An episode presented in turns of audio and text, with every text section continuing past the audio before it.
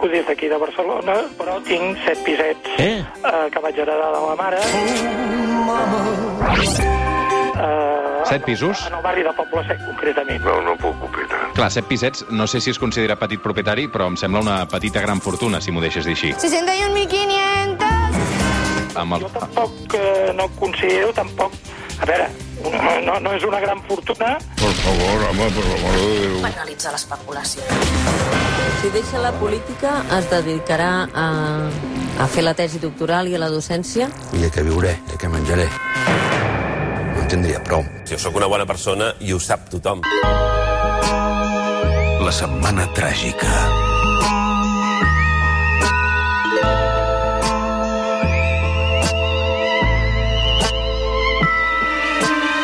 Som al suplement, som a Catalunya Ràdio, això és la setmana tràgica. A Londres, Ion Sindreu, periodista, columnista del Wall Street Journal. Què tal, Ion? Bon dia, com anem? Molt bé, i tu? Eh, mira, adormit perquè em fas llevar d'hora, eh? Vaja. però bé. Molt bé. Toni Rodon, doctor europeu en Ciències Polítiques, investigador a la London School of Economics. Una mica més simpàtic que el Ion o no? A veure, no, no seria molt difícil, eh, tampoc. Bon dia, com esteu? Estàs recuperat, Toni? Sí, sí, estic recuperat. Vaig agafar una, una petita grip d'uns dies i um, no, no sé si m'ho pots esclarir, escapa, però durant aquests dies uh, he vist coses molt estranyes. He vist que jugàvem encara pitjor uh, del que uh, havíem jugat abans a nivell de, de Barça Sí. i que també hi havia candidats que prometien tatuatges. No sé si això ha passat o era producte Has vist coses feina, que vosaltres... Sí, no us creuríeu, eh? Sí, eh, semblava un somni, però un, o un malson més aviat, però, però no, era la vida real. Ha passat, ha passat, Toni.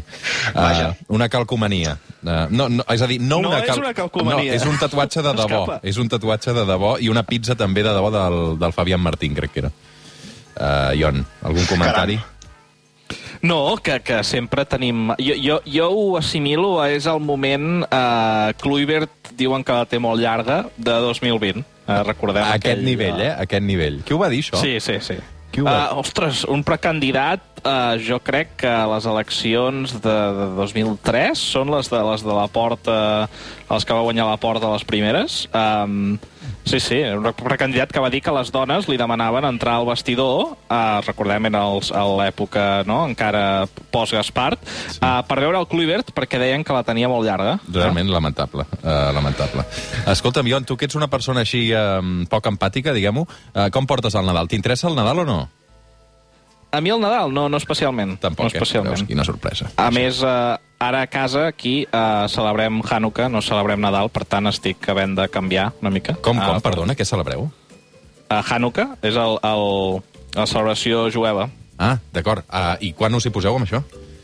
Uh, ja, ja està passant. És allò que, que saps, segueix el calendari lunar, llavors jo em perdo, perquè ja no sé mai quan és, uh, i ja està passant. Crec que ja anem... Avui serà la quarta nit. Carai. I tu, Toni? No, nosaltres celebrem, celebrem el Nadal, el que passa que enguany és una mica estrany tot plegat, com bé saben els nostres oients, però sí, sí, celebrem el Nadal, nosaltres som una família molt gran, per tant, eh, és aquell moment en què veus eh, familiars que fa temps que no veus i, per tant, tot és molt bonic. Mm. No hi ha Nadal sense Sí, sí. aquest anunci.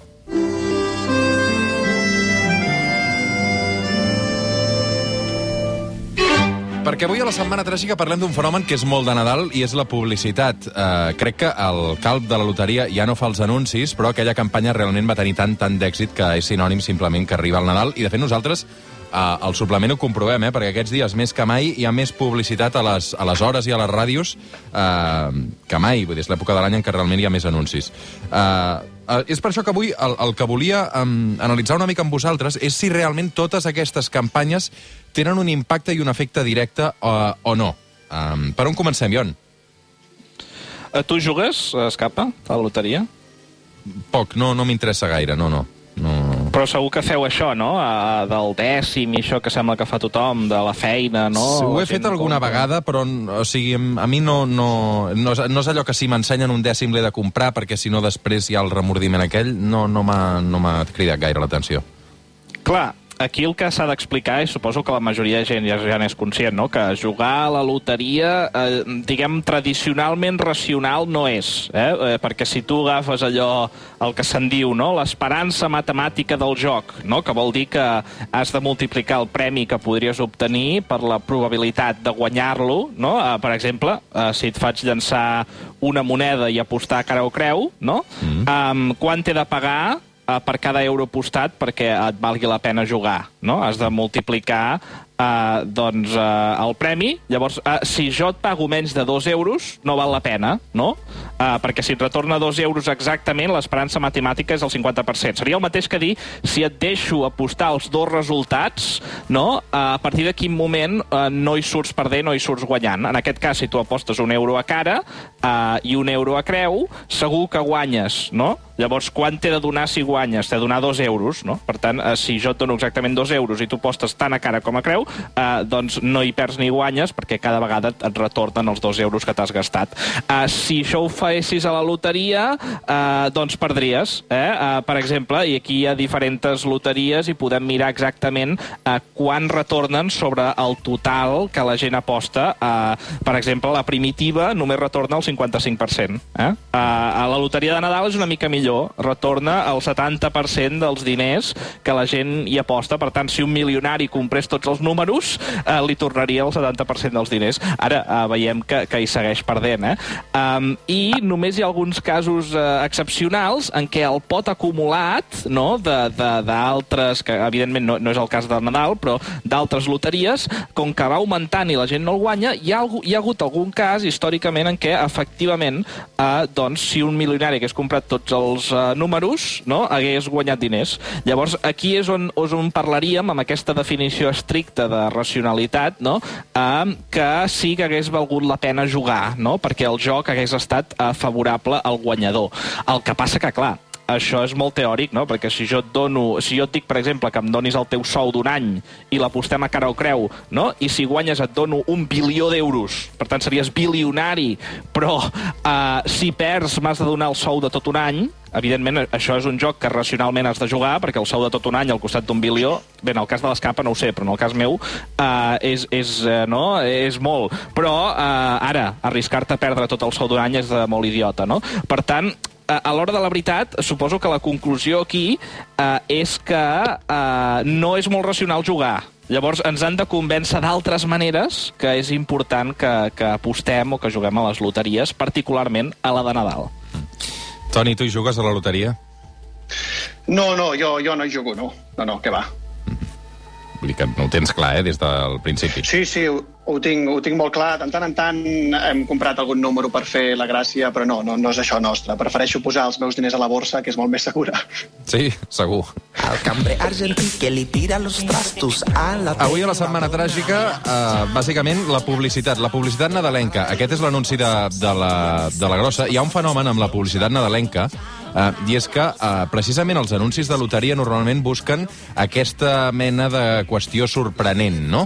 Uh, els de perfum normalment també costen d'entendre perquè no saps ben bé què estan anunciant i de cop veus que és un perfum, i els de sabó de rentadora sempre inclouen una samarreta impossible de rentar i algú que normalment ve del futur.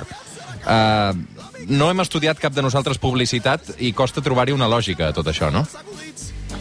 Sí, costa, costa sí. trobar-hi una, una lògica i, i, de fet, una mica eh, connectant amb el que deia en Jon ara fa una estona, en el fons, eh, i ara el que diré pot semblar una mica xocant, però en el fons eh, l'efectivitat de, de la publicitat que es fa, tant a la ràdio com a la tele com en, com en qualsevol altre lloc, eh, no, no la coneixem o la coneixem molt menys del que, del que ens pensem. Mm?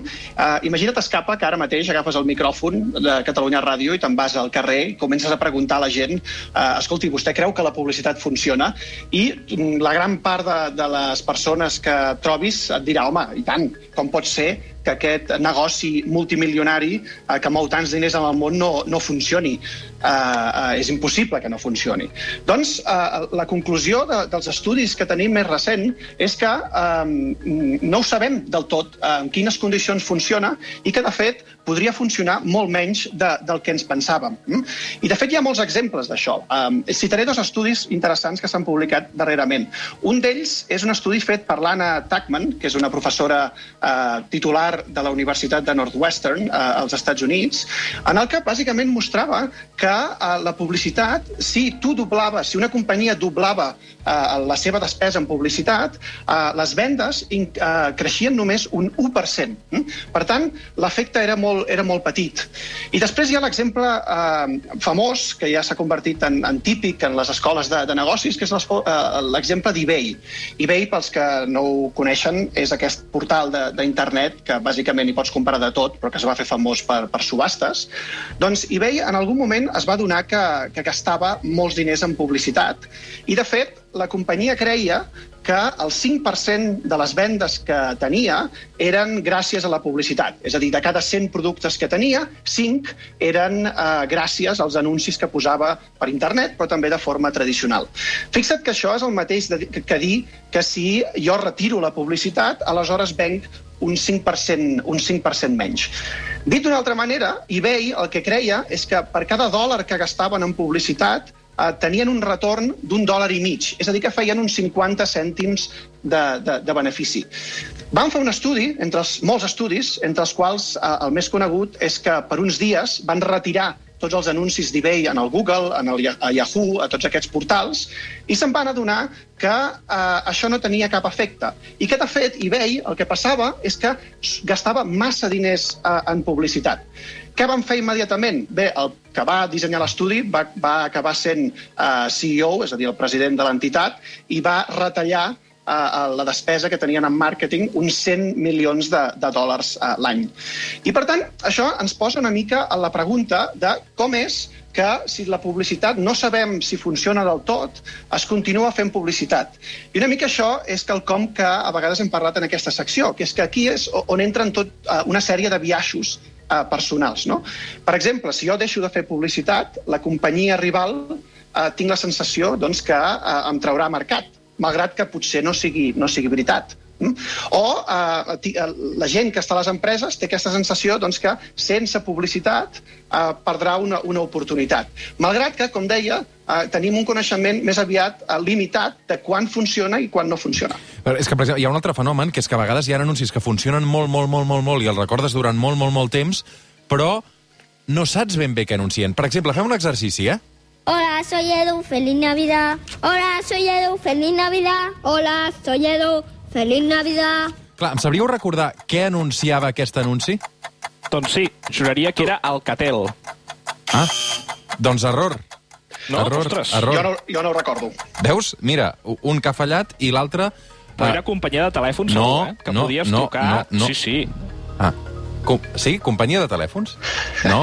I tant, i tant. Eh, que ara- ara potser m'estic confonent jo, eh? Tenies trucades al mòbil, eh, no sé si limitades, però, eh, diguem-ne, prou amples com per poder trucar a tothom per Nadal. I juraria que era Alcatel. Ah, doncs eh? però... jo estava confós, perquè jo em pensava que era d'un cotxe. Ho podem revelar, Sam, sisplau? Hola, Esta Navidad, Airtel invita. porque Airtel, clar, el no era las Alcatel, era Airtel. te regalamos llamadas de los tres primeros meses. Home, però bastant, Sí, no? sí, sí, sí, sí, sí. Doncs mira, eh, estava equivocat jo, perdona, perdona, perdona, Ion.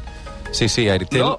Que no és ben bé Però el jo mateix, crec que eh? tens raó, eh, Escapa, que, que és veritat que a vegades molts d'aquests anuncis eh, virals, no?, eh, per més que, que, no, que, que tu te'n recordes, per exemple, no, el Be Water, My Friend i tot això, um, com que el que la publicitat intenta no, és generar una percepció al voltant del producte, a vegades no te'n recordes de, de qui era l'anunciant i, per tant, l'efectivitat de les, fins i tot les campanyes no? tan exitoses eh, és, és dubtosa. Um, I el que deia el, el Toni, per exemple, l'exemple de- d'eBay, no? és, és interessant, perquè la pregunta és per què ells es pensaven que això funcionava, no? que estaven pagant en el Google pels links sponsoritzats i després no funciona. Eh, és perquè, clar, amb ells Google els hi donava les dades de quanta gent no, estava clicant en, en el link sponsoritzat pel qual eBay pagava i eren molts, molta gent, no? I els hi sortia moltes dades. I, i la majoria d'empreses miren les dades així. Aquestes, eh, no, aquestes plataformes on s'anuncien els hi diuen no, tants milions de persones han clicat en, en aquest anunci que tu, que tu has posat. El que, però què passa? Que qualsevol persona amb dos dits de front sap que eh, si tu, eh, Google, no, busques eBay, eh, evidentment et surt el link eh, sponsoritzat d'eBay primer, però només que baixis una miqueta ja et surt el link normal. Per tant, eh, quan, quan eh, Google els deia no, és que totes aquestes visites entren per link espons- esponsoritzat. Clar, però si tu treus aquest link, resulta que tothom se'n va a l'altre. Per tant, eh, no és suficient saber eh, que no, perquè, per aquest anunci ha creat que tanta gent no, eh, s'acosti aquí o en allà, perquè la gent, segurament molts d'aquests consumidors també eh, s'haguessin aproximat al producte sense l'anunci. Um, però, clar, aquí una mica el, el, uh, no, el, la paradoxa és que tot i que individualment costa molt saber uh, si aquests anuncis tenen cap efecte, um, sí que globalment hi ha una mica, no, la, la, les dades, la recerca, sí que troba que sembla que hi ha un impacte de la publicitat.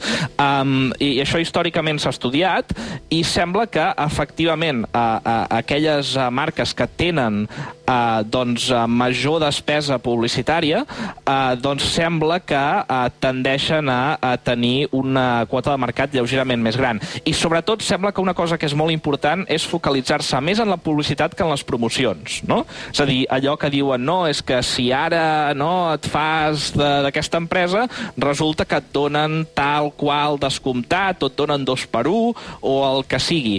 Um, I tot això sembla que tendeix a no funcionar. I la publicitat, en canvi, sembla que funciona una mica millor. Um, I la pregunta és exactament per què, no? I jo crec que, que en la resposta d'això trobem uh, per què és important uh, que les empreses uh, doncs s'anunciïn tot i que queda poc clar quan han de gastar, segurament menys del que gasten.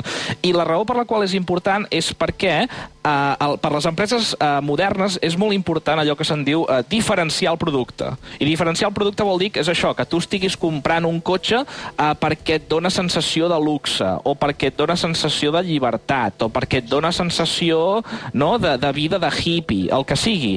Però eh, fent que la gent s'acosti al producte com a producte sol, és a dir, com, com si només hi hagués un mercat no, per aquell producte, en, can, en comptes de ser un producte pel qual tens 10 opcions. No, no estàs comprant un cotxe, eh, sinó estàs comprant o bé un Volkswagen o bé un Seat no, eh, o bé un Renault.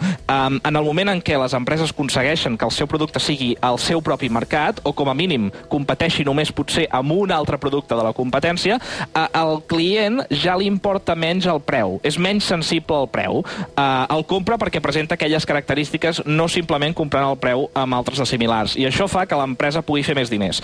Um, per tant, uh, clar, és, és, és important que les empreses s'anunciïn per generar aquesta percepció del seu producte i eh, es veu que efectivament, i això molts estudis ho troben, les empreses que ja s'han establert i, i, i que la gent ja coneix, sí que sembla que la publicitat és molt poc efectiva. No? Eh, les empreses que encara estan pujant o que no hi ha una percepció popular de què és el que venen, eh, aquí sí que sembla que obtenen molts més guanys fent que la gent ens importi menys el preu i que comprem eh, independentment d'això. No? Per tant, hi fan més diners. Llavors aquí hi ha una mica la paradoxa. Individualment, les campanyes publicitàries són normalment inútils, a nivell, a nivell global, eh, l'empresa necessita col·locar una percepció de qui són en el mercat. Avui amb el Leon Sindreu i el Toni Rodon parlant de publicitat. Toni, eh, per tancar, deixem-ho que t'ho porti això també al terreny de la política, perquè parlàvem d'aquest retorn de la publicitat. Eh, si ho mirem amb el vot, amb la propaganda electoral, i que ara que ens tocarà rebre-la tots plegats, eh, pregunto si està més clar quin retorn té eh, un, o un, un bon o un mal anunci, perquè, per exemple, de les últimes eleccions al Parlament, Uh, recordem um, aquell eslògan de si vols que torni el president has de votar el president, amb un missatge molt, molt clar, uh, i en aquest cas la campanya sí que va girar com un mitjó, no? Mm, Sí, sí, però el que passa que aquí la, la gran pregunta que s'ha de fer és si amb una campanya diferent el partit eh, hagués tret eh, uns resultats diferents, no? que és allò que en termes tècnics, i em perdó per la paraula de diumenge al matí, és el que s'anomena el problema fonamental de la inferència causal. És a dir, en un món paral·lel en el que aquest anunci no s'hagués fet, què hauria passat? Això, evidentment, no ho sabem, però sí que es pot saber abans, és a dir, abans de testar, de llançar la campanya, es pot fer un estudi per saber si aquest tipus de campanya funciona o no. I, de fet, la ciència política, eh, aquest àmbit concret d'estudiar l'efecte de les campanyes, és un àmbit molt potent, en alguns països més que en altres, per exemple, al nostre país eh, molt poc, però en entorns com eh, els Estats Units això està molt estudiat. De fet, està tan estudiat que fins i tot es calcula quin és el retorn, és a dir, quan et costa cada vot en funció de certes campanyes. No? I aquí em referiré a un estudi eh, que normalment actua com a referència, que és el de Gerber i Green de l'any 2015, en el que eh, bàsicament estudien i repassen tot allò que s'ha estudiat a nivell de campanya electoral per, per tal de mobilitzar el vot. Per exemple, en aquest estudi el que troben és que eh, enviar mails, imagina't ara, escapa, que tu fessis un partit polític i tinguessis eh, el correu electrònic de, dels ciutadans i comencessis a enviar correus electrònics perquè votessin el partit de l'escapa. Això no tindria cap efecte. Eh? Doncs sí, i no només seria mandra, sinó que no tindria cap efecte, perquè els estudis que tenim fins ara demostren que això no, no té cap impacte, com a mínim pels Estats Units. I, en canvi, hi ha altres eh, maneres que són més efectives. Per exemple, el porta a porta, allò que a casa nostra no, ja gairebé no es fa, però que als Estats Units... Sí, una mica testimoni de Jehovà, no? Anar a picar a la porta i demanar el vot. Sí, doncs el porta a porta eh, és, de fet, un dels mecanismes que eh, la literatura en ciència política i la recerca ha demostrat com dels més efectius per, per mobilitzar el vot. De fet, es calcula eh, que en l'entorn americà cada vot que, eh, que mm, et pot arribar a costar 31 dòlars. Mm? És a dir, que eh, si fas... Normalment la ràtio és eh, 15 contactes, per cada 15 portes que truques, sí, eh, aconseguiràs un vot pel teu partit. I això et costarà, tots aquests 15 contactes, un total de 31 dòlars. I és un dels mecanismes més efectius. mm? En tenim molts altres, no? però, eh, sens dubte, eh, hi ha tots aquests estudis que, que eh, a diferència una mica de, de la publicitat que parlàvem abans, doncs sí que demostren que hi ha aquesta certa relació. Però, de nou, eh, insisteixo, això això és en l'entorn americà, als Estats Units. A casa nostra eh, no sabem doncs, si eh, aquestes, aquests mètodes són tan efectius. Jo crec que el, el que és particularment... Per eh, tancar, jo sisplau, eh, Ion? Sí, fascinant i que passarà a la història de la comunicació política catalana és el si tu no hi vas, ells tornen. Això és no? del PSC, Perquè- sí, sí. Sí, recordem, i, i jo crec que és molt interessant perquè això entronca amb un dels efectes que la recerca veu que cada vegada és més important a l'hora d'impactar a la gent avui en dia, especialment la gent jove, a través de les xarxes socials, que és això que en anglès se'n diu el FOMO, que no sé si n'heu sentit. El FOM, eh, parlar, el FOMO és allò que en anglès es diu el fear of missing out, no? que és la por de que si no fas alguna cosa eh, els altres ho fan, no? o els altres en gaudeixen. I això, eh, la recerca troba que cada vegada eh, té un efecte més gran en, en, en la gent, en la gent jove que mira les xarxes socials, veu que els altres ho passen bé i diu, home, no puc estar a casa, no? jo també m'ho he de passar bé. Um, i, i, I una mica per recollir-ho, tornant a la loteria, eh, hi ha un estudi molt interessant del 2004 eh, de la loteria holandesa, de Zellenberg i Peters, que eh, comparen dos loteries que hi ha a Holanda. Una que seria la, la loteria nacional normal, però l'altra que es fa amb el codi postal. No? Llavors, en lloc d'un número d'etiquet, hi ha un codi, hi ha eh, els codis postals, i potser et toca i potser no, però la qüestió és que tu saps si t'hauria tocat. No? És a dir, perquè tu pots mirar, el, eh, no? pots llegir el diari, pots eh, mirar on sigui, i et diu, no, és que en el teu codi postal eh, hauria tocat la loteria si l'haguessis comprat. I això es veu, a l'estudi demostra que la gent li crea aquesta por de, no, de perdre-s'ho i per tant fa que aposti més. Mm. Uh, per tant, és a l'estudi jo crec que uh, si s'hagués fet sobre la campanya del PSC uh, tinc la teoria que, que demostraria que era visionària. Mm. Avui amb el Toni Rodon i el Ion Sindreu parlant de la publicitat. Moltes, moltes gràcies, companys. És que us he de deixar perquè... Uh, és que vull que em quedi temps per fer una entrevista que jo crec que valdrà molt, molt la pena. Uh, ens ha vingut a veure el Ricard Garcia Vilanova, fotoperiodista, uh, amb una trajectòria uh, impecable que tenim moltes ganes de, de xerrar una estona amb ell uh, i descobrir-lo una mica més perquè no és habitual um, també tenir-lo en un estudi perquè viatja molt i avui tenim aquesta oportunitat i tinc moltes ganes de, de xerrar amb ell. Gràcies a tots dos. Abra, um, Cuideu-vos molt. Vagi bé. Que vagi molt bé. Adéu, adéu. Fem una petita pausa i de seguida el suplement Ricard Garcia Vilanova. El suplement, amb Roger Escapa.